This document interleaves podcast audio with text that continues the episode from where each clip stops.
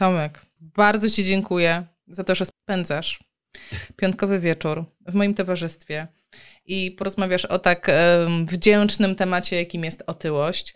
E, wiem o tym, że ostatnio występowałeś e, na dwóch ciekawych konferencjach. Jedno to, było, mm, to był pierwszy kongres Polskiego Towarzystwa Leczenia Otyłości, a drugie to konferencja Polskiego Towarzystwa Medycyny Stylu Życia.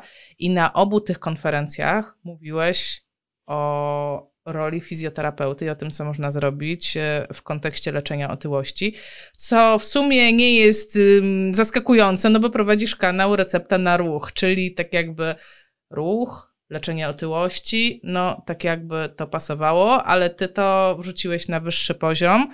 No tutaj trzeba cię przedstawić jako doktora nauk medycznych, czyli to jest, jakby to nie jest tylko twoja e, pasja, zainteresowanie, to jest też i taka działalność naukowa.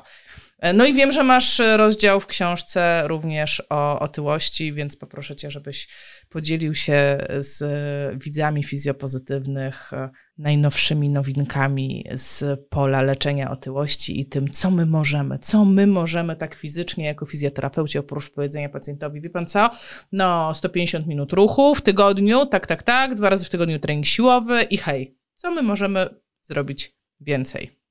E, dziękuję za, za przedstawienie, dość, dość długie. Jeśli chodzi o otyłość, to od niedawna się tym zajmuję trochę bardziej, o tak bym powiedział, no bo często mamy tych pacjentów, którzy mają nadwagę albo otyłość i próbujemy sobie z tymi pacjentami radzić w zależności od tego, czy to jest pacjent chodzący, leżący, różnie w zależności od tego, od tego, gdzie się z nimi spotykamy. Ja się z pacjentami otyłymi spotykam w szpitalu, spotykam się w gabinecie, e, czasami na jakichś właśnie wykładach, warsztatach i gdzieś tam tą swoją receptę na ruch staram się przemycać tam, tam gdzie mogę.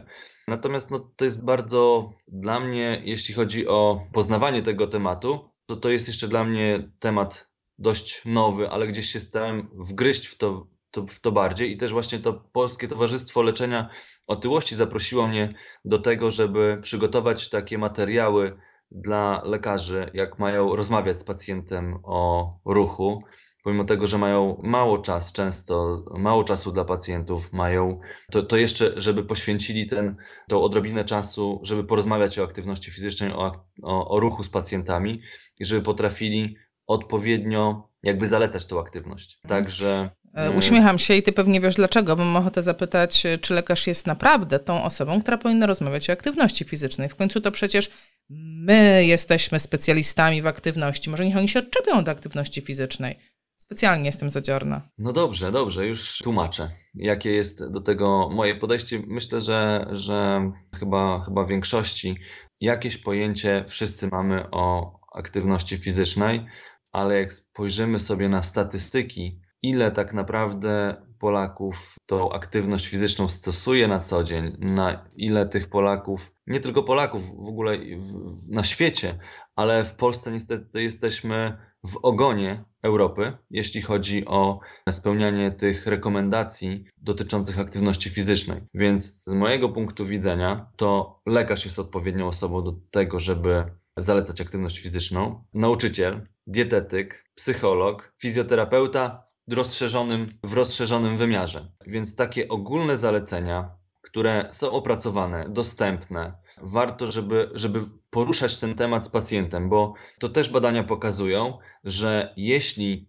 lekarz w ogóle nawet poruszy ten temat, nawet nie da konkretnych wytycznych, jeśli tylko poruszy temat aktywności fizycznej z pacjentem, to jemu u części pacjentów to ten temat zacznie gdzieś funkcjonować w głowie i zacznie się zastanawiać, czy może rzeczywiście coś zrobić, żeby zacząć się więcej ruszać. Oczywiście, im lepiej do tego podejdzie lekarz, fizjoterapeuta, tym większe szanse, że pacjent, że to rzeczywiście dotrze do jego głowy i on coś z tym zrobi. Także takie ogólne zalecenia powinni dawać wszyscy. Natomiast my jesteśmy po to, żeby ta, ten, ten lek w postaci ruchu dawał jak najwięcej benefitów, jak najwięcej korzyści, żeby też nie sprawiał jakichś problemów, powikłań, a żeby jakby wyciągnąć z tego jak najwięcej. Ty myślisz, po to, że, po, jesteśmy po to, żeby precyzować bardzo to, tą ten, ten ruch, ten, tą dawkę tego ruchu, dobierać odpowiedni rodzaj ruchu, też na, na bazie, my mamy więcej czasu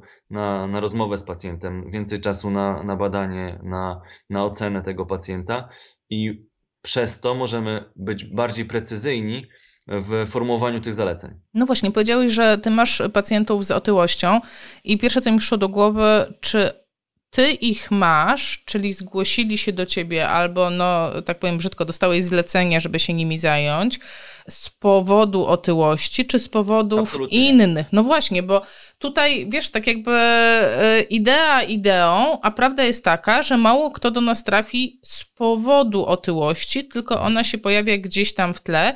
No i teraz jakby cały czas krąży koło tego, to lekarz czy my? No wielu tych pacjentów w ogóle się do nas nie, nie pojawi, bo on jest ogólnie, powiedzmy, zdrowy, tylko ma otyłość. Jakkolwiek by to nie zabrzmiało. Wiem, że otyłość to diagnoza lekarska, chorobowa. Tak, tak, tak. Rzeczywiście, ci pacjenci, z którymi ja miałem do czynienia, czy w szpitalu, a miałem pacjentów, nie wiem, powiedzmy, e, naj, naj, pacjent, który miał największą do tą otyłość olbrzymią, ale to już nie wiem nawet którego stopnia to była otyłość, bo ta, ta otyłość tam z 10 stopni ma i on ważył około 220 czy 30 kg. Więc e, nawet na specjalnym łóżku musiał leżeć, żeby to było dla niego bezpieczne. Ale rzeczywiście zdarzali się pacjenci, którzy no, mieli tak zaawansowaną, zaawansowaną otyłość, że oni mogli tylko leżeć. A do szpitala trafili no nie z powodu otyłości, tylko z powodu e, niewydolności serca, niewydolności oddechowej, z różnych innych powodów. Czasami pacjenci trafiają mm, do nas, bo po prostu mają jakieś problemy bólowe, tak? czy to ze stawami kolonowymi, kręgosłupem, no i gdzieś ta otyłość czasami, czasami jest jednym z takich cegiełek, która była dołożona do tego, żeby taki problem powstał. Także, no bo, bo otyłość jest czynnikiem ryzyka wielu chorób, dlatego pacjenci trafiają już właśnie z tymi powikłaniami tej otyłości, a nie z samą otyłością.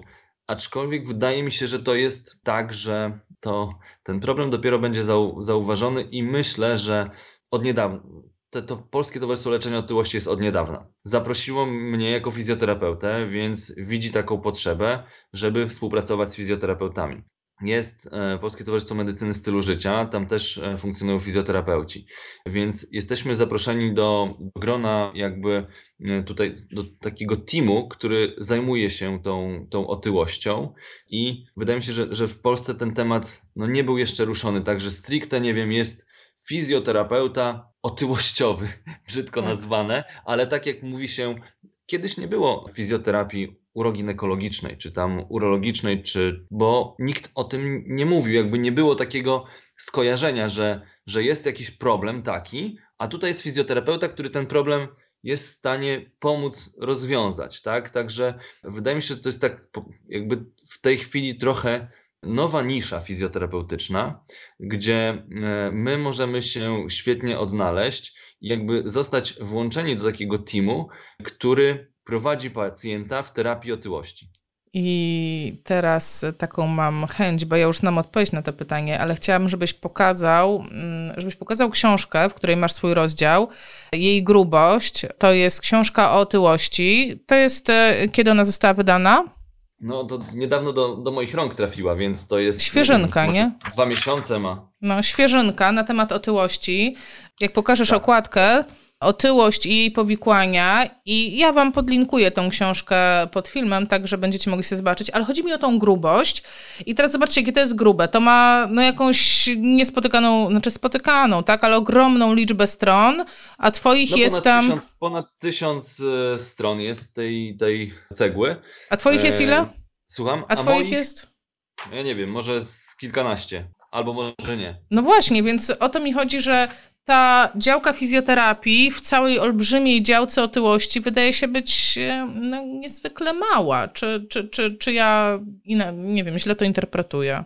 Moje 10 stron rzeczywiście mam tutaj mojego wkładu. E, to może nie dlatego, że to jest małka dzia e, działka mała, natomiast ta książka jest po prostu, no tą otyłość roz, mm, jakby na czynniki pierwsze rozbiera tak? Powody otyłości, w ogóle no, statystyki, badania, mechanizmy powstawania powikłania, choroby, które się wiążą z otyłością, farmakoterapia cała, leczenie otyłości różnymi metodami, terapia mm, bariatryczna. I tego jest tak dużo, że no, no, mi zostało dość niewiele, ale tam jeszcze są, mm, jest jeszcze jeden rozdział, w którym e, też jest o, o, o, o fizjoterapii w otyłości, e, ale bardziej tutaj e, ten, ten drugi rozdział jest pod kątem operacji bariatrycznych, które są stosowane w leczeniu otyłości.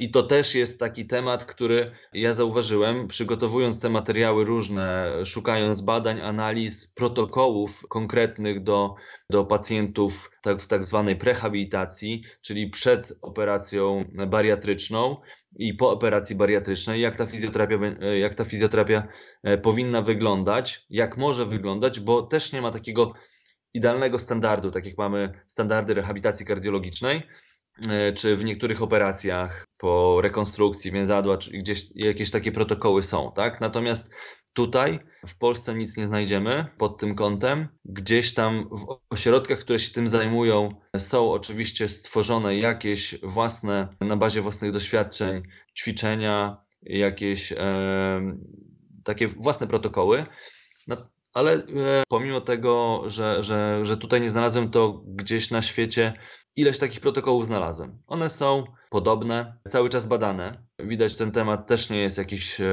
stary, tylko, tylko cały czas jeszcze e, tutaj szuka się najlepszej takiej opieki fizjoterapeutycznej pod kątem, a konkretnie tutaj chodzi o, o, różne formy aktywności fizycznej, które się sprawdzają u pacjentów, którzy właśnie planują operację bariatryczną. A czy mamy takie standardy postępowania generalnie w otyłości? Takie, no takie mamy... standardy postępowania dla fizjoterapeutów, to co ja mogę, co ja powin, powinnam robić z pacjentem z problemem otyłości? Są Wiesz takie to, rzeczy? To jest, to jest podobne, jakby to się pokrywa w ogóle z zalecaniem aktywności fizycznej, na co my fizjoterapeuci powinniśmy zwracać uwagę. Jakby to się pokrywa, ale są do tego wytyczne, wytyczne, które takie ogólne, które mówią o tym, że, że to powinno być minimum 30 minut e, umiarkowanego bądź intensywnego, od 30 do 60 minut właściwie e, takiego umiarkowanego bądź intensywnego wysiłku fizycznego minimum 5 razy w tygodniu, najlepiej codziennie i do tego dwa razy w tygodniu trening siłowy. Też dużo jest e, badań i, i rekomendacji w zakresie treningu HIT. Tyle tylko, że no, jakoś mi na tym etapie ciężko sobie wyobrazić, że, że nagle osoba, która ma otyłość, no, wystartuje od treningu HIT o wysokiej intensywności, znaczy z tego naprzemiennego. E, więc tutaj po prostu zdrowy rozsądek, bo nie chcemy pacjenta zniechęcić przez to, że mu mm, za wysoką poprzeczkę postawimy, tylko chcemy go zachęcić w jakiś sposób i to musi być e, małymi krokami, systematycznie budowanie tego nawyku, systematycznego ruchu. Wiesz co? Pamiętasz, y, wczoraj mieliśmy taką rozmowę chyba na temat tego, ile mogę spalić kalorii. Tam nie wiem, jak zaczynam trening, a ile spalę tych kalorii, jak ja już jestem trzy tak. miesiące w, kalor- y, w treningu.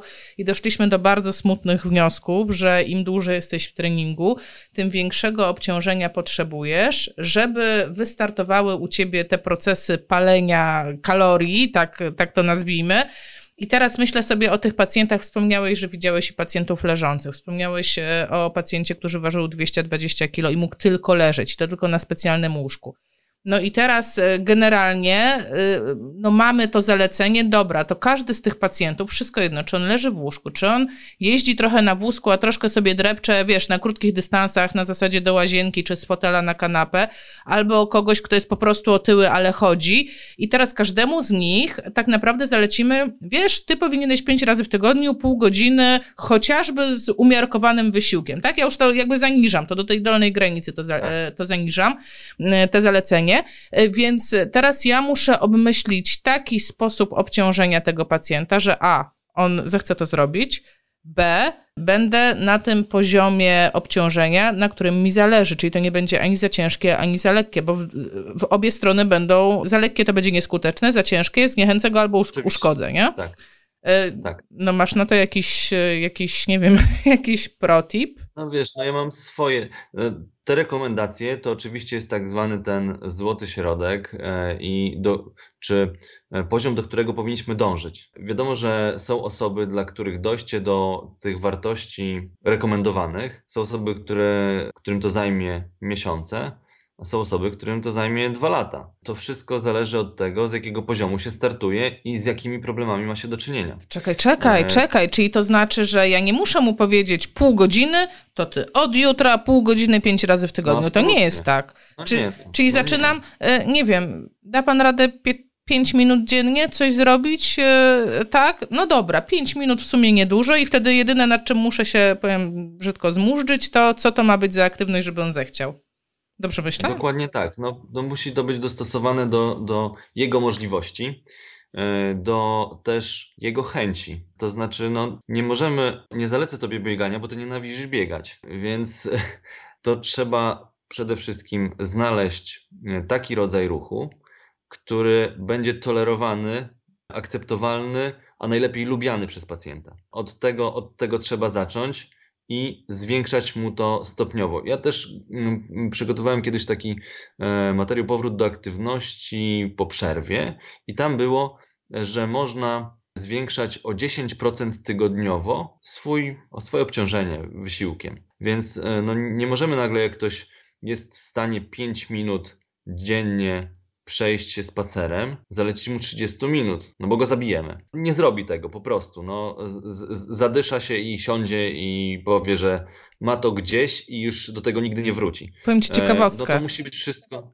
E, przepraszam, że ci przerwałam, ale powiem ci ciekawostkę. Wiesz, moja mama miała y, otyłość olbrzymią. My mieszkałyśmy osobno, moja mama za granicą mieszkała, ale kiedy u niej byłam i widziałam, jak pokonuje dystanse krótkie, typu z garażu, znaczy z domu do garażu do samochodu, byłam świadkiem, jak pokonując jeden stopień, stając na swojej własnej nodze, złamała swoją własną kostkę. Swoim ciężarem. Po prostu, po prostu tak. widziałam to. Więc e, to naprawdę nie jest tak, że każdy może wszystko i czasami te obciążenia, które zalecamy, nam się wydają śmieszne po prostu. Śmieszne, że co, że, że na spacer pójdzie, a, a ja twierdzę, że właśnie no dobra, a jak trzeba, to i z kijkami. Tak, no po to też testujemy pacjentów i, i dając im różnego rodzaju rekomendacje, fajnie gdybyśmy byli podczas tych e, ich pierwszych prób. To też ja, ja zdarzało się, że, że z pacjentami wychodziłem gdzieś tam właśnie na Nordic Walking. Na szczęście sam potrafię chodzić z kijkami. Super, ja nie. E, jeszcze sobie instruktora kiedyś zrobiłem, także też jakieś tam pojęcie mam, ale fajnie, kiedy no, jesteśmy i no, po to jest też fizjoterapeuta. Tego lekarz nie zrobi i, i tego nam nikt nie, nie zabierze, że, że będzie mm, jakby nadzorował ten trening, ten, tą aktywność fizyczną, niezależnie od tego, ile ona będzie trwała. Także tutaj, tutaj to też jest ba bardzo ważna nasza rola, żeby, żeby po pierwsze zebrać wywiad z pacjentem w odpowiedni sposób. To jest taka aktywna rozmowa z pacjentem, bardzo dobrze się sprawdza, po to, żebyśmy zaangażowali pacjenta w ten proces, bo my możemy sobie wymyślać rekomendacje, mówić, że tyle masz robić, to masz robić, tak masz robić, ale pacjent nie lubi, jak mu się rozkazuje. Pacjent lubi robić to, co chce robić. A jak my go tylko naprowadzimy, co on chce robić, no to już mamy dużo prościej, żeby, żeby on wytrwał w tym. Także taka aktywna rozmowa jest bardzo ważna. Po to też ze studentami tłumaczymy, że ten wywiad, wywiad, wywiad, wywiad, oni wszędzie chodząc do szpitala, do różnych klinik zbierają tylko wywiady. No ale wywiad jest najważniejszą częścią naszej pracy, moim, moim zdaniem. No bo po pierwsze, skupiamy się na problemie pacjenta, wie, staramy się poznać, co jest w jego głowie e, i jakby chcemy go włączyć w ten proces. No sami za niego nic nie zrobimy. Jeśli pacjent się nie włączy, niezależnie jaka to będzie, jaki to będzie pacjent, jaki to będzie, to, to, to, to będzie trudno o te, o, te efek- o te efekty, a na pewno one będą dużo trudniej osiągalne i nie tak, jakbyśmy chcieli. Jeśli się pacjent to włączy, no to ten sukces przyjdzie dużo szybciej. Czy to jest, wiesz, e, Małgorzata Starzec Proserpio e, ostatnio mówiła e, u mnie na kanale o wywiadzie motywacyjnym i wiesz, tak jak ty opowiadasz o aktywnej rozmowie, to do mnie, dla mnie brzmi bardzo podobnie. Poznaj motywację. To, to jest, to, jest tak, to samo, tak? tak? tak? To, to o to chodzi. To o to chodzi tak, żeby zaangażować pacjenta w proces terapeutyczny żebyśmy to nie my tylko e, robili coś za pacjenta, bo pacjent najchętniej to by skorzystał, położył się na, na stole i żeby fizjoterapeuta wszystko zrobił za niego tak. i on sobie nawet zapłaci, ale żeby to za niego zrobić. Tak. E, no tak, tak to nie działa. No. No dobrze, a czy mógłbyś podać na przykład y, jakieś, jakieś takie wskazówki albo jakieś może przykłady w ogóle pytań, jakie można zadać pacjentowi, żeby to, e, żeby przybliżyć go do tego, że to on sam na to wpadł, że warto by się ruszać e, i to jeszcze jak się ruszać? Mam taki zestaw kilku pytań, które zadaję pacjentom. Po pierwsze, to ja muszę się dowiedzieć, czy on ma czas, czy on w ciągu całego dnia Różni pacjenci są oczywiście, tak? Są tacy, którzy y, mają cały dzień jakby dla siebie, bo, bo, bo są chorzy i muszą ten czas poświęcić na, na swoje zdrowie. Ale są też tacy pacjenci, gdzie e, dzień zaczyna się, nie chciałbym być pacjentem, e, ale gdzie dzień zaczyna się tam powiedzmy od godziny 6 e, i kończy się o godzinie 21. No i jak tutaj mm, rozwiązać problem aktywności fizycznej w ciągu tego jego całego dnia, chociaż na to też mam patent, ale no przede wszystkim musimy się dowiedzieć, czy on ma czas. E, następnie ja się pytam, jak w ogóle jego aktywność w ciągu życia wyglądała. Czy on był aktywny, jak e, nawet jak był w podstawówce 100 lat temu, co w ogóle lubił, a czego nie lubił jakie formy aktywności mu się podobały, jakie mu się nie podobały. Bo ktoś może nienawidzić biegać, ktoś mógł się topić w przeszłości, a my mu na basen będziemy go wysyłać, tak? To, to, a ktoś, nie wiem, uwielbiał grać w koszykówkę, czy, czy jakąś dowolną formę, jaką sobie tam wymyślimy, żeby to, co jemu zalecimy, nawet jeśli to nie będzie krop, w kropkę ta sama forma, ale żeby to gdzieś było blisko siebie, żeby no, on kojarzył pozytywnie ten rodzaj aktywności. No to też jest bardzo ważne. Pacjent ma mieć taką aktywność, którą lubi, bo jak się czegoś nie lubi, to się tego nie robi. I to jest to. Jest to. Co jeszcze takie ważne, jakie on ma w ogóle cele, e, co on chciałby osiągnąć, e, żeby jakby uświadomić mu, że my dążymy do tego samego celu. Przez to, że on skorzysta z naszych podpowiedzi, z naszych rad, to on będzie bliżej tego celu. To, to jest bardzo ważne, żebyśmy zawsze pacjenta zapytali, co dla niego jest najważniejsze. Dla jednego jest ważne to w szpitalu, żeby, nie wiem, mógł pójść do toalety i skorzystać samodzielnie z toalety, no bo nikt nie chce, żeby ktoś za niego, nie wiem, pomagał w takich czynnościach bardzo intymnych, więc pacjenci często w szpitalu mają taki, taki cel, żeby móc samodzielnie coś robić, tak, a to, to, to toaleta jest takim ważnym elementem, ale dla innego to będzie to, że on chce, nie wiem, pojechać na narty i, i, i na ten moment nie może, a, a chce, żebyśmy mu pomogli w tym, żeby on kolejny sezon mógł pojechać na narty.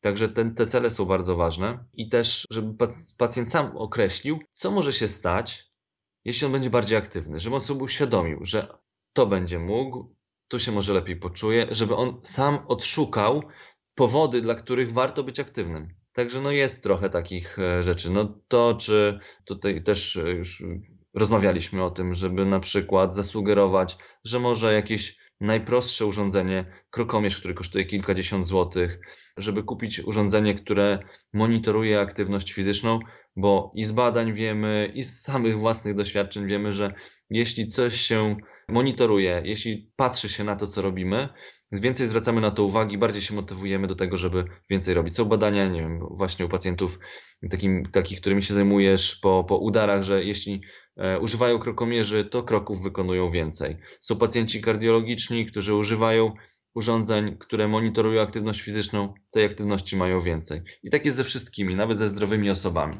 Tak, ja w ogóle wszystkich Także zachęcam, żeby włączali sobie, jak nawet nie mają, to żeby sobie włączyli w komórce. Teraz większość komórek zmierzy tak. ci kroki. Chociażby włącz sobie, Dokładnie. będziesz już coś tam wiedzieć. A to jest niesłychanie motywujące, jak się zaglądasz, o, o dzisiaj zielono, wczoraj było pomarańczowo, to jak jutro wybije zielone, to też będzie dzisiaj. dobrze. Nie wiem, czy widać. Nie 10 widać. 10 tysięcy. Ale, ale ja mam średnio gdzieś tak 12 e, do 14 tysięcy. No to ładnie masz e, średnią. To szpital czy uczelnia tak cię goni? Wiesz co, no po szpitalu troszkę pobiegam. później jeszcze troszkę po mieście do pacjentów i tak to się no, dzieje. Dużo, dużo, no 12 tysięcy. A jeszcze mi monitoruję piętra, to też mam dodatkową motywację, też tam z 20 pięter 25 pięter dziennie robię. Wiesz, ale Także. fajnie, że poruszyłeś taki temat, że ty robisz to w pracy, bo wcześniej rozmawialiśmy też o takich pacjentach, że on nie ma czasu. On nie ma zupełnie czasu e, i ty mówisz tak, na nich też mam sposoby. I no faktycznie wyszło już sporo książek na ten temat, które e, w jakiś sposób e, podpowiadają, co ty możesz zrobić, nawet jeżeli nie masz, jeżeli masz okrągłe zero czasu, tak? Chyba taką tak. najbardziej znaną jest Katie Bowman. Ona po polsku się nazywa Homo Immobilis mobilis i tam jest mnóstwo takich podpowiedzi typu, e, nie wiem, ruszaj nogą, raz stój, raz siądź, e, co 20 minut przejdź się, nie wiem, do kącika do kawy. Wiesz, takie naprawdę małe rzeczy, ale zwiększające ten, ten nit, tak?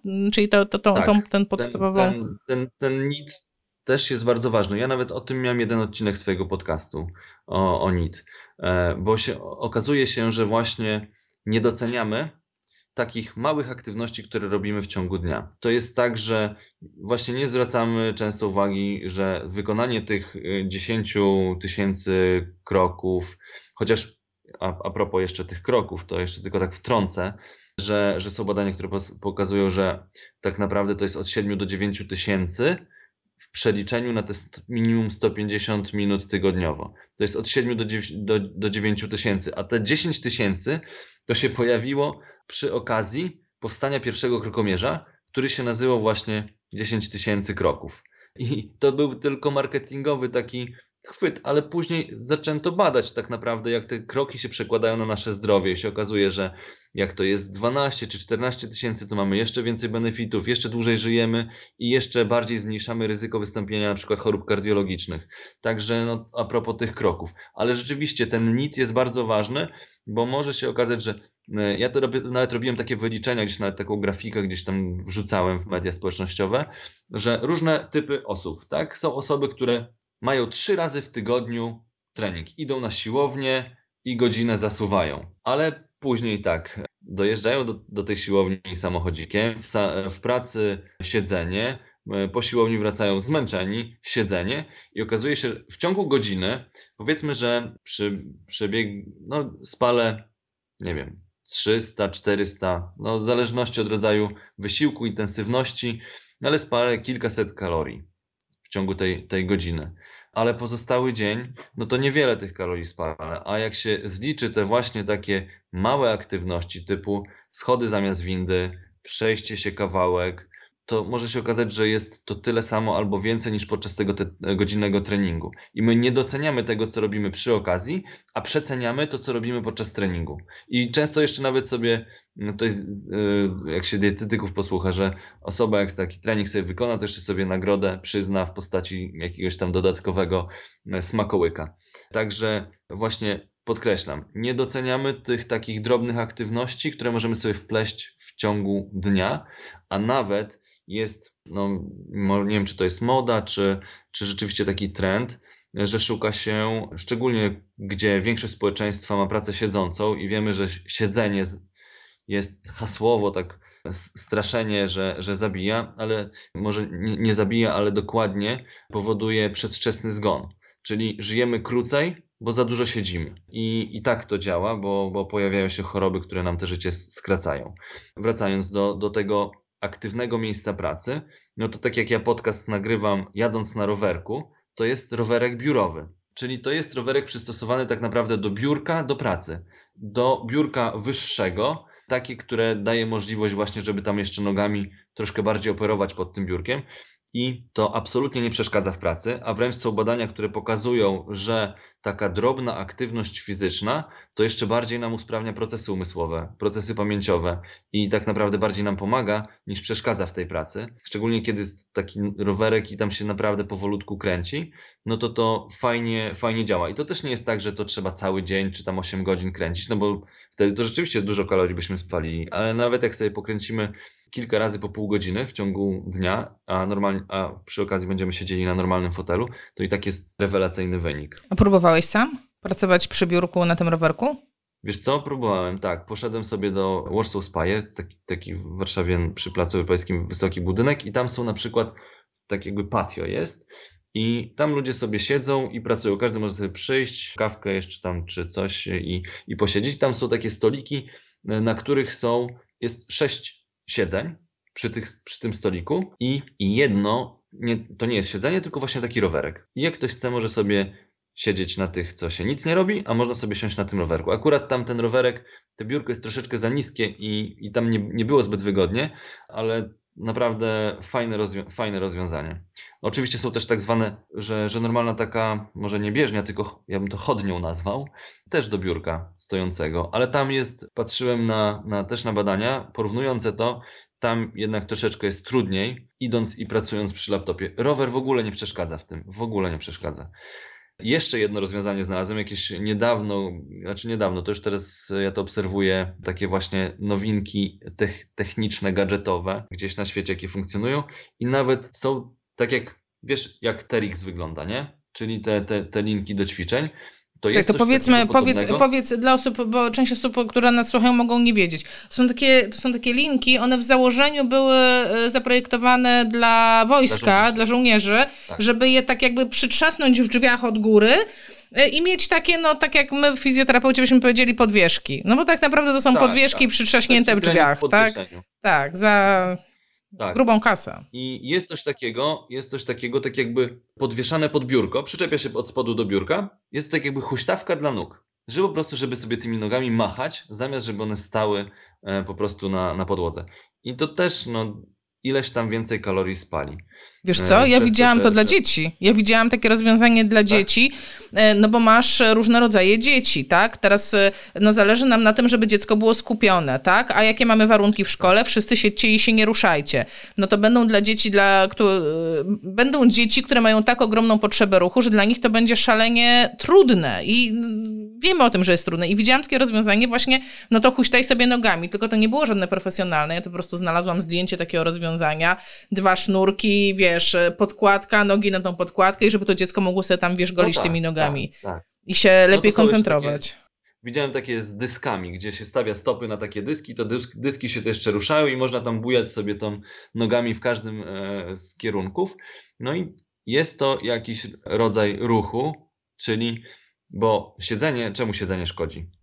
No bo po prostu e, jest tam tak mały wydatek energetyczny, praktycznie tak jakbyśmy leżeli, czyli nie stymulujemy swojego układu krążenia, oddechowego i to wszystko nam siada. I później przez to mamy, przez to, że dużo siedzimy, mamy zwiększone ryzyko tych chorób cywilizacyjnych, e, najczęściej tych, tych kardiologicznych, e, plus metaboliczne właśnie, Nowotwory. otyłość i tak dalej. Także no tak. tak.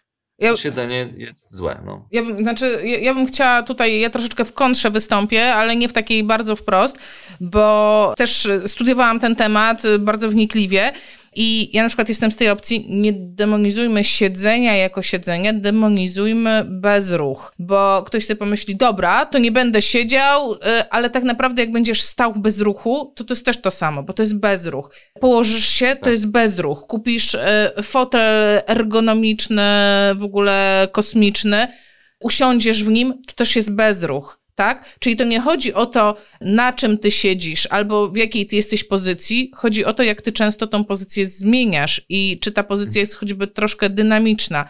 I ja tutaj, wiesz, ja, ja wszystkim mówię, bo zresztą nie potwierdziły jakby samego siedzenia, nie utożsamia się z, nie wiem, z zwiększonymi, nie wiem, bólami, bólami pleców, tak? tak? Bo, no bo tak, to, to wiemy. Całkowicie zgadzam, ale jak tak. popatrzysz do, do literatury wszędzie, to masz siedzący tryb życia. Tak. To chodzi o właśnie ten bezruch. To tak. nie chodzi o pozycję, czy tak. o tym, na czym siedzisz i tak dalej, tylko chodzi o, o ten mały wydatek energetyczny, tak. czyli no, brak, brak ruchu. No, tak. Ja to, to wiesz co, ja absolutnie nie wiem, czy to ma potwierdzenie e, w nauce, ale tak zawsze mówię, taki może, taki przykład, no nie wiem, to ty go oceń, o, w sumie teraz się dowiem, czy, czy przychylasz się do czegoś takiego.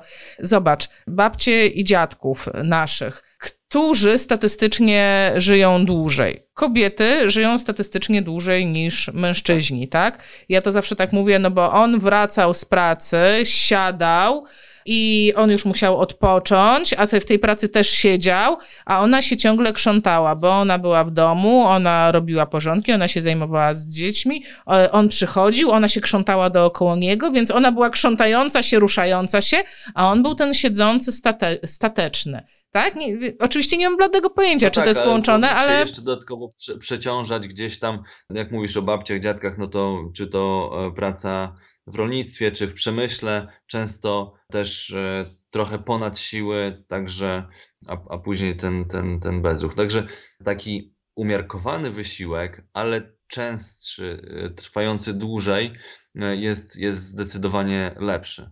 I to też nawet jak się popatrzy na takie miejsca, już nie pamiętam jak się nazywa to, czy e, Blue, Blue no nie pamiętam dokładnie, ale miejsca na świecie, gdzie jest najwięcej stulatków e, i popatrzy się na ich styl życia, to są właśnie takie tereny, gdzie, gdzie jest dużo ruchu. Czyli to są góry, gdzie pasą na przykład bydło, takie rejony. W Europie to chyba we Włoszech gdzieś jest, ale na pewno jest Japonia, gdzieś tam Blue Zones, to jest, tak, tak to się nazywa.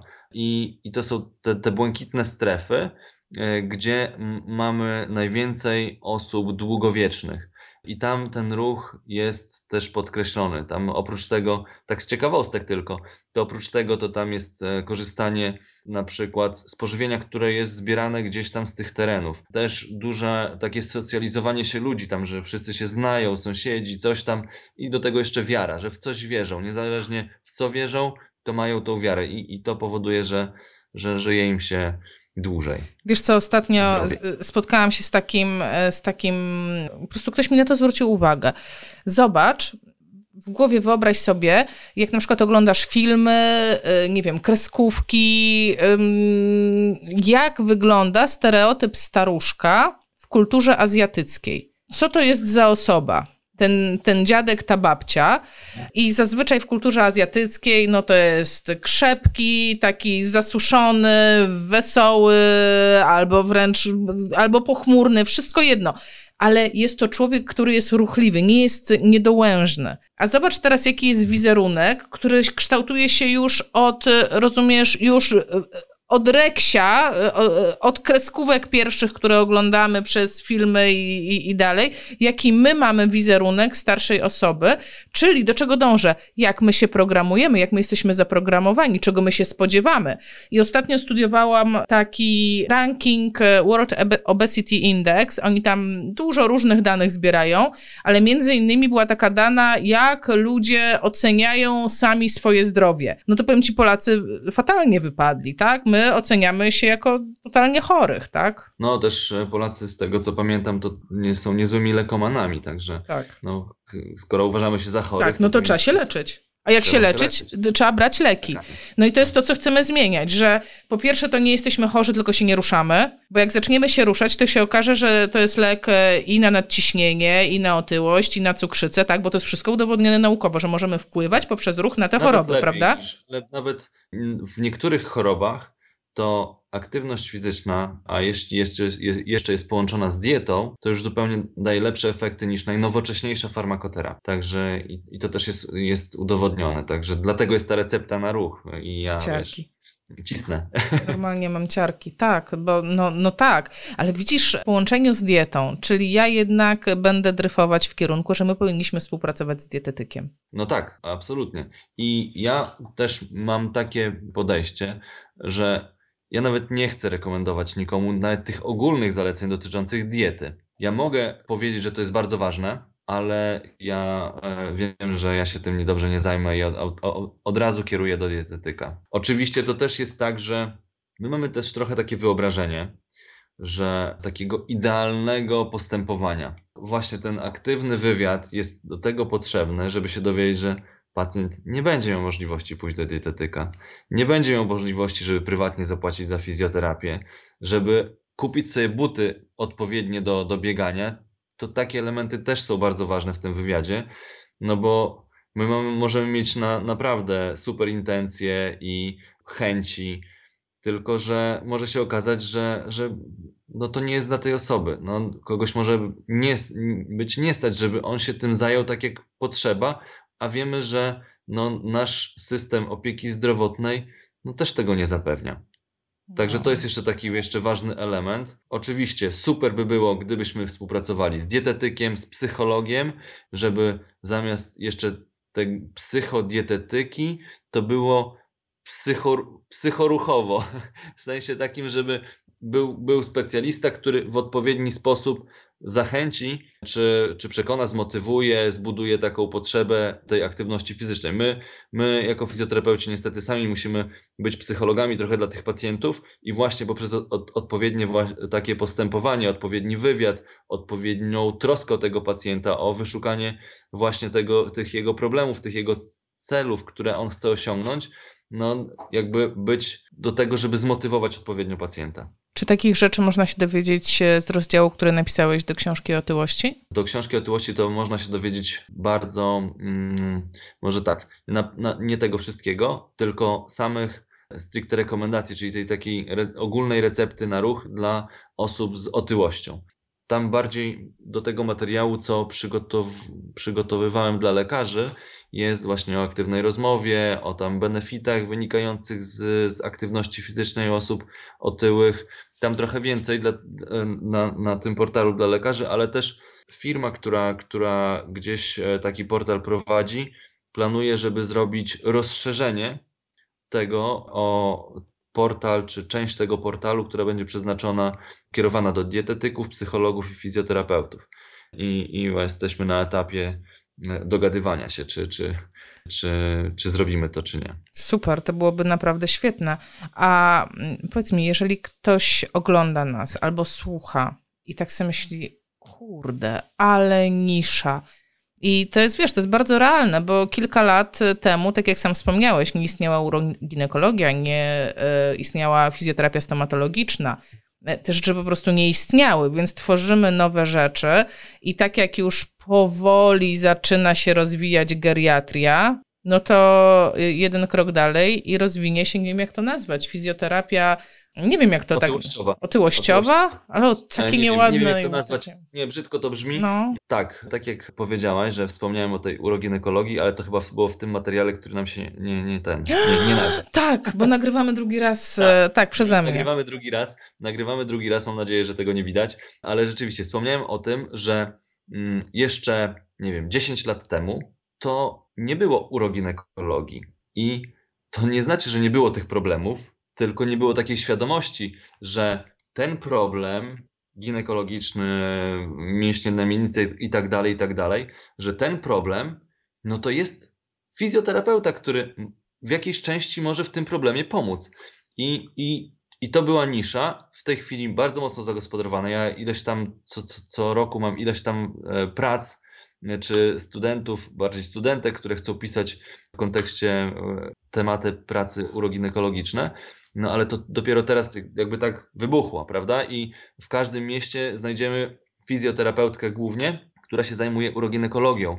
I na to też jest zapotrzebowanie, bo po prostu świadomość tak. E, się wzrosła, pojawiła, że, że jakby można te kropki połączyć, nie? że tu jest ten problem, a tutaj jest e, e, osoba, która może znaleźć rozwiązanie. I tak samo jest, moim zdaniem, w tej chwili nisza, która no, będzie zagospodarowana. To jestem przekonany w 100%, że będzie zagospodarowana, która polega na tym, że powstaną, już są, jest, e, są ośrodki gdzie niegdzie, ale początkujące, mm, gdzie jest team, który zajmuje się pacjentem z otyłością, czy nie wiem, team, który ma za zadanie ogólnie poprawić jakość życia, czy wydłużyć to życie, i w tym teamie jest właśnie lekarz, fizjoterapeuta, dietetyk i psycholog. I takie ośrodki będą powstawały, no bo, bo rośnie ta świadomość. Tomek, to jak teraz nas, nas oglądają takie osoby i zacierają rączki,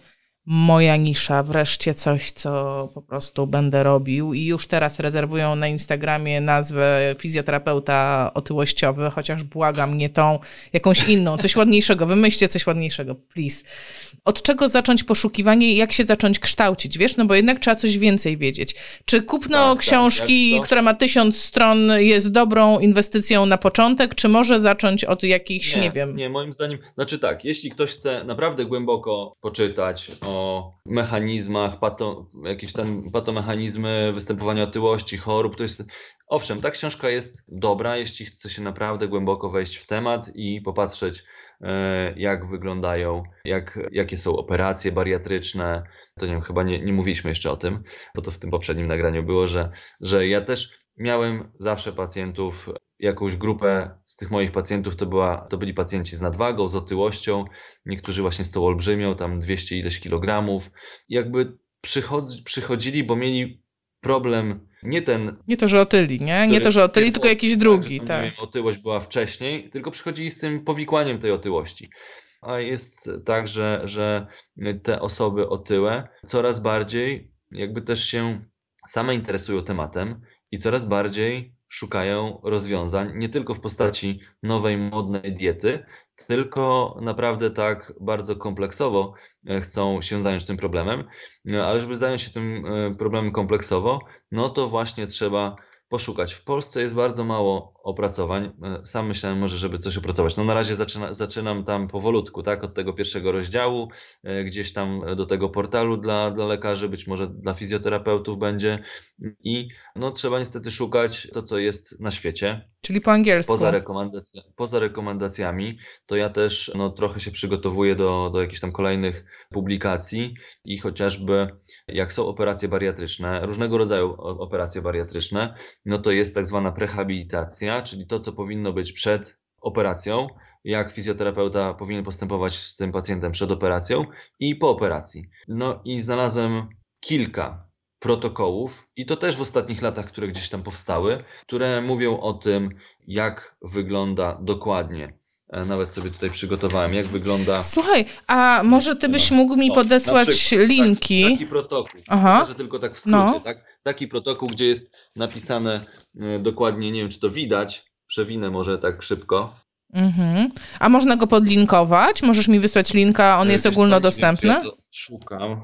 Zobaczę, tak? Ale jest tu protokół, który mówi, e, jaki jest, ile powinna trwać rozgrzewka, jak powinien wyglądać trening siłowy, ile powtórzeń, ile serii, na które partie mięśniowe, czy trening aerobowy, też e, jak powinien wyglądać, e, ile minut, e, z jaką intensywnością, czyli tam w jakim zakresie maksymalnego tętna wysiłkowego, ile powinno trwać tak zwane wyciszenie, czy jak, jak, jak się powinien kończyć taki trening, tak? Także to my mamy czekać?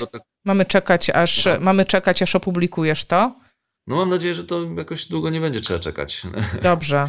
Dobrze, to obiecaj nie, no, mi, że mi dasz mogę, znać, mogę bo ja podlinkuję. Jakiś protokół, jak znajdę. Nie, no gdzieś, gdzieś, gdzieś to mam, tak? Bo ja to wydrukowałem po prostu, bo też komuś to chciałem tam pokazać. Ja do, do swojego tego podcastu chciałem pokazać mm, właśnie pani doktor, która się bariatrią zajmuje, jak, jak, jak to wygląda na świecie, a w Polsce po prostu tego nie ma jeszcze. Gdzieś tam niektóre ośrodki na bazie swoich doświadczeń zrobiły jakieś takie własne, własne opracowania.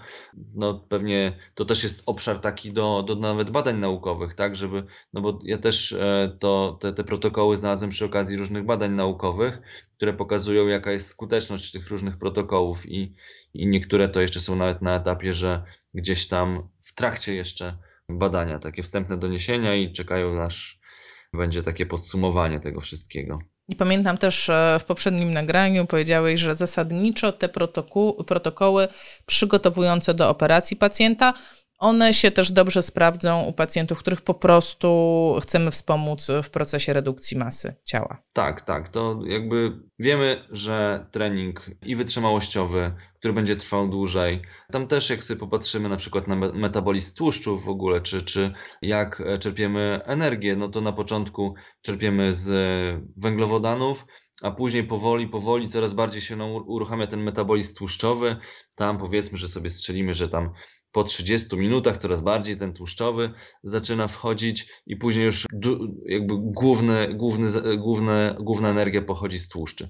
Także e, taki trening umiarkowany, ale dłużej trwający bardzo dobrze nam spala tkankę tłuszczową, ale też badania pokazują, że trening HIT, czyli ten o wysokiej intensywności, e, naprzemiennie wysoka intensywność i, e, i, i umiarkowana czy lekka, on też dobrze działa, no tylko trzeba być odpowiednio już, e, można powiedzieć, wytrenowanym, żeby taki trening stosować, bo on jest krótki, ale bardzo, bardzo intensywny i tam po prostu też same procesy regeneracji i później powrotu do tej tak zwanej homeostazy wymagają też odpowiednich zasobów energetycznych i, i na takim mechanizmie to się dzieje. Czyli można, jak mamy osobę, która jest w stanie trenować i długo i umiarkowanie i, jest, i tak samo może trenować krótko, intensywnie, to jak chce zaoszczędzić na czasie, to może robić to krótko, intensywnie, tak? Także e, można to tak też tak, widzę po prostu temat rzeka, temat rzeka, mija nam godzina. Ja myślę, że sporo już zostało powiedziane. Wciąż, wciąż będę ci cisnąć o to, od czego zacząć, czyli gdzie odesłać naszych widzów. Ja myślę, że tak, zapisałam sobie, żeby podlinkować tutaj na dole pod filmem wywiad z panią doktor na temat operacji bariatrycznych. Mm, twój odcinek powrót do aktywności po przerwie, bo to będzie ważne, bo to w większości będą pacjenci, którzy będą chcieli wrócić po przerwie. Link e, do książki, to są rzeczy, które sobie zapisałam, żeby podlinkować. Ja myślę, że to będzie taki właśnie dobry początek, jeśli ktoś chce zacząć e, zwiększać swoją wiedzę na temat e, pracy z pacjentami z otyłością. Jak sądzisz? Myślę, że tak. No tutaj niestety nie mamy zbyt dużo do w Polsce opracowań, więc mam nadzieję, że coś trochę pomogę w tym, żeby, e, żeby tego było więcej. No, ale śmiało można szukać na świecie i tutaj myślę, że to ten też temat bariatrii jest e, jakby jeszcze dodatkową niszą w niszy. O tak. Bo, bo pacjenci coraz częściej i coraz więcej jest też w ogóle bariatrów w Polsce, chirurgów, którzy się, którzy się tym zajmują. No i ci pacjenci, przez to, że coraz są bardziej świadomi, będą szukali pomocy fizjoterapeutów, w tym, żeby odpowiednio ich przygotować do tej operacji, a później odpowiednio poprowadzić po tej operacji.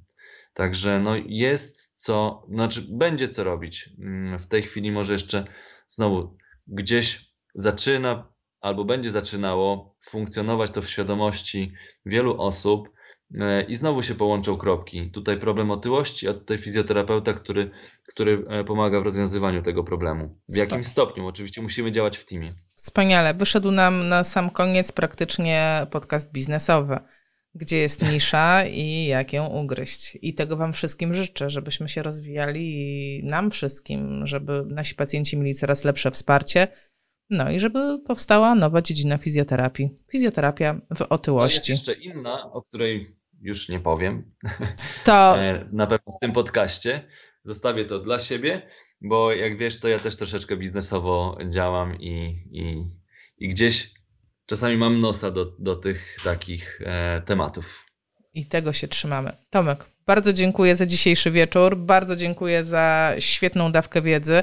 Kurczę, sama się zastanawiam, czy to nie jest moje nowe przeznaczenie, leczenie otyłości. Nowa, no. Nowa ja, nowy Trzeba rok, próbować. nowa ja. Trzeba próbować, to tak jak z aktywnością fizyczną. Tak. Trzeba próbować różnych, może coś się spodoba bardziej. I tak samo z fizjoterapią, szczególnie dla tych fizjoterapeutów młodych, którzy, którzy nas oglądają, trzeba spróbować trochę tu, tu, tu, tu i na pewno tak samo tą swoją ulubioną ścieżeczkę można odszukać. Wiesz, jak spróbują neurologii, to zostaną, no ale żarcik. Dziękuję Tomek. Wszystkiego dobrego. Dzięki. Miłego wieczoru. Trzymaj się, cześć.